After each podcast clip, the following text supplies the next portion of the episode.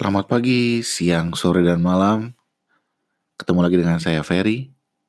Uh, kali ini saya mau ngobrolin masalah life skill ketika ngekos. Kebetulan kemarin itu baru dengerin podcastnya Suarane soal life skill urusan masak nih ketika ngekos. Background dulu kali ya. Kehidupan ngekos saya itu bisa dibagi dua. Jadi ketika ngekos di Indonesia dan juga ketika ngekos di luar negeri. Di Indonesia sendiri saya mulai ngekos itu ketika umur 18, ketika saya masuk kuliah. Kebetulan kan saya lahir dan besar di Bandung. Sementara saya kuliah satunya di UI di Depok. Uh, jadi umur 18 lah udah mulai ngekos. Kebetulan dalam tanda petik kesalahannya waktu itu saya sih nggak pernah minta belajar masak sama orang tua. Jadi waktu pindah ke Depok itu ya udah mikirnya gampang lah ngekos itu paling tinggal beli ke warteg. Kalaupun bosen tinggal malam-malam itu pergi ke abang-abang jual nasi goreng, pecel lele atau pecel ayam. Pokoknya gampang deh karena juga saya makan nggak nggak nggak sulit. Nah enak banget kebetulan waktu itu setahun pertama kan saya di asrama. Asrama di UI nah itu ada kantin asrama jadi sarapan di situ. Makan siang waktu itu sih di kampus ya. Kalau makan malam pas pulang lagi ke asrama baru makan lagi di kantin itu. Jadi skill memasak tidak terlalu dibutuhkan meskipun kadang-kadang bosen juga eh, sekedar Indomie sih bisa kali masak kalau bosen makan di kantin. Tapi ya so far oke okay lah, nggak terlalu tersiksa gitu. Kemudian ketika habis setahun di asrama pindah ke kos-kosan yang benar-benar definisi kos-kosan. Nah itu beruntung lagi. Itu ya cuma sekitar 10 langkah kali dari pintu gerbang kosan itu ada warteg dan dia buka dari jam 7 pagi. Jadi again untuk sarapan itu nggak masalah. Kenapa? Karena dia selalu buka pagi. Kebetulan juga dia nyasar orang-orang yang kos daerah situ yang mau ke kantor pagi-pagi mau sarapan. And they have the best tempe goreng. Jadi tiap kali ke situ pasti saya pesen tempe gorengnya. Melauk yang lain ganti-ganti nggak masalah tapi tempe gorengnya itu pasti. Kenapa saya suka banget yang namanya tempe goreng tepung.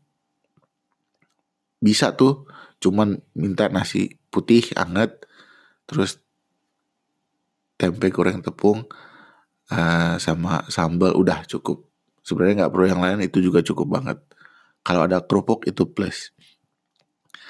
Nah, kalau makan malam gimana? Ah, yang jelas lokasi kosan saya itu deket banget sama Jalan Utama Margonda. Jadi kalau malam itu surganya makanan deh terserah yang penting kalau kantongnya cukup mau uh, ke kafe atau resto yang enak silakan. Mau makan pinggir jalan silakan. Cuman ya ini membuka aib sedikit ya. Kesalahan saya dulu waktu kuliah itu hobinya makan di pinggir jalan apalagi tinggal nyebrang doang nih nggak perlu jalan jauh. Nasi uduk satu setengah porsi tambah pecel lele.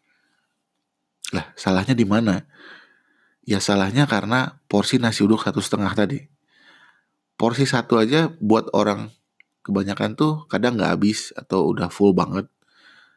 Buat saya tuh nasi itu is the king gitu Alhasil selama kuliah itu badan membengkak. Berapa kali sakit, yang paling sering tipes. Dokter juga udah beberapa kali bilang, aduh ini makanya tolong dijaga yang sehat. Apalagi kan kalau di pinggir jalan itu udah berdebu. Terus ya kas makanan pinggir jalan gimana sih? Begitu ngegoreng tuh kelihatan uh, ikan, ayam nyemplung ke kolam minyak yang sama. Kolamnya warna hitam lagi. jadi ya begitu deh terus uh, ketika udah kerja kurang lebih sama uh, nggak kos di Jakarta juga nggak perlu life skill yang namanya masak sendiri again karena warteg di mana-mana uh, makanan pinggir jalan di mana-mana restoran di mana-mana so overall kehidupan saya waktu nggak kos di Indonesia itu tidak terlalu unik lah dibandingkan anak kos yang lain. Nggak perlu sampai perlu punya skill masak yang mumpuni gitu. Buat survive. Nah lain ceritanya ketika mau keluar negeri. Ketika tahu mau sekolah ke Belanda waktu itu. Jadi ini awal 2008. Itu langsung tuh pas lagi pulang ke Bandung. Hal yang pertama minta ke ibu saya waktu itu minta tolong diajarin ya masak lah yang sederhana aja, simple. Tapi balik lagi ke cerita awal, menu yang pertama saya minta ajarin itu adalah bikin tempe goreng tepung. Jadi mungkin orang-orang minta diajarin bikin ya standar lah mungkin nasi goreng, mie goreng. Itu juga minta diajarin pada akhirnya. Cuman hal yang pertama saya minta ajarin itu adalah bikin tempe goreng tepung. itu berapa kali ya? Dua kali coba apa? Itu kayaknya langsung oke okay lah. Jadi ada juga bakat masaknya. Kemudian yang kedua itu minta bikinin uh, tahu, bakso tahu. Kebetulan saya suka banget tahu uh, Bandung terutama, tahu Lembang, tahu yang kuning itulah intinya yang sebenarnya kalau cuma direbus doang dikukus itu udah udah enak itu udah ada rasanya beda sama tahu putih dulu waktu di Jakarta kurang kurang suka makan tahu meskipun tahu kuning karena entah kenapa rasanya itu beda gitu. Udah gitu teksturnya itu agak nggak selembut tahu kalau yang saya beli di Lembang atau di Bandung. Jadi selama hidup di Depok di Jakarta itu kurang makan tahu. Jadi tiap kali pulang ke Bandung pasti ngambil tahu. Nah dengan alasan itu pikir ah mungkin di luar negeri juga ada tahu yang enak. Karena kebetulan baca-baca waktu itu di internet ah kalau di Belanda tenang aja. Tempe ada tahu ada kerupuk ada sambal ada. Oke kalau tahu ada jadi makanan apa nih yang bisa dibuat dari tahu? Singkat cerita oke saya berangkat ke Belanda 2008 dengan beberapa skill yang ya oke okay lah untuk bertahan nggak melulu makan roti atau keju atau ham ataupun apa pasta gitu. Karena kebetulan juga kurang suka. Jadi semangat survive. Dan kebetulan saya itu tinggal di asrama lagi kalau boleh bilang asrama yang punya public kitchen gitu. Jadi di kamarnya sendiri sih nggak ada. Dan nggak boleh ada peralatan untuk memasak karena ada apa smoke detector. Jadi kalau mau masak itu harus di shared kitchen gitu yang setiap lantai ada. Itu seminggu pertama menunya sama. Nasinya nasi goreng pedas jadi nasi goreng yang pakai sambal gitu yang gampang lah cuman nasi campur sama uh, apa sambal yang udah jadi kasih dikit kecap terus ya bumbu-bumbu gitu.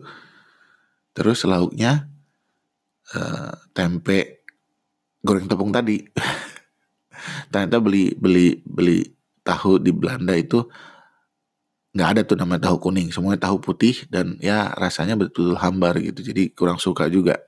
Dan kebetulan di sini tempenya rasanya itu mirip banget dengan Indonesia. Jadi beli satu tempe yang ukuran panjang dipotong beberapa kali itu bisa seminggu uh, lauk lah kasarnya tambah telur dadar ah udah itu ingat banget pertama kali datang seminggu seminggu setengah pertama itu makannya cuma itu sampai akhirnya bosan Dan kebetulan inilah enaknya open kitchen.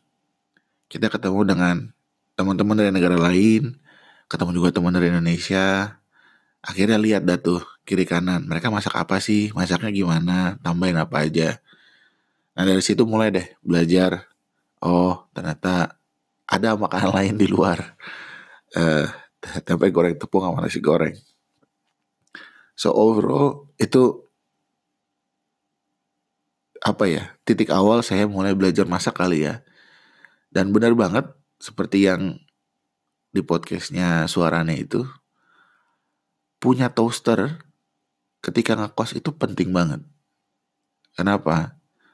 Karena kadang kalau punya kompor itu bawaannya pengennya masak yang besar pengennya masak yang rumit. Padahal terkadang kita punya makanan sisa yang kalau dicampur uh, terus diangetin di toaster itu udah enak gitu. Atau misalnya roti pun yang tadinya saya nggak suka makan roti sorry yang tadinya saya nggak suka makan roti kalau bikin roti panggang terus dikasih sele ataupun roti panggang terus dicampur uh, telur dadar gitu ya di atasnya kornet gitu sama keju dibikin meleleh itu enak banget dan itu semua berkat jasa toaster. Jadi buat teman-teman yang ngekos yang kebetulan boleh punya peralatan masak di kosannya itu kalaupun nggak punya kompor kalau bisa beli deh toaster. Toaster tuh nggak nggak nggak mahal. Uh, dan rasanya harusnya mungkin di Indonesia sekarang udah mulai ngikutin gaya di luar negeri juga. Banyak banget makanan udah jadi atau makanan siap saji tapi yang dibekukan atau makanan sisa kemarin dari dari restoran misalnya. Ah itu diangetin atau dibuat kreasi tersendiri buat makanan baru di toaster itu enak banget.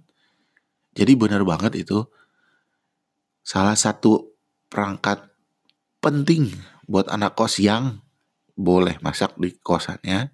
Ya kalau nggak boleh kayak kejadian saya di Belanda waktu kuliah waktu kemarin ya jangan dong ya. Kamu nggak boleh uh, bawa masak karena takut smoke detector itu toaster sangat sangat membantu beli pizza baku kecil masukin toaster tinggal berapa menit jadi enak makanan kemarin mau dipanasin kalau beli microwave mahal, masukin toaster sama angetnya, enak juga. Jadi toaster itu penting banget.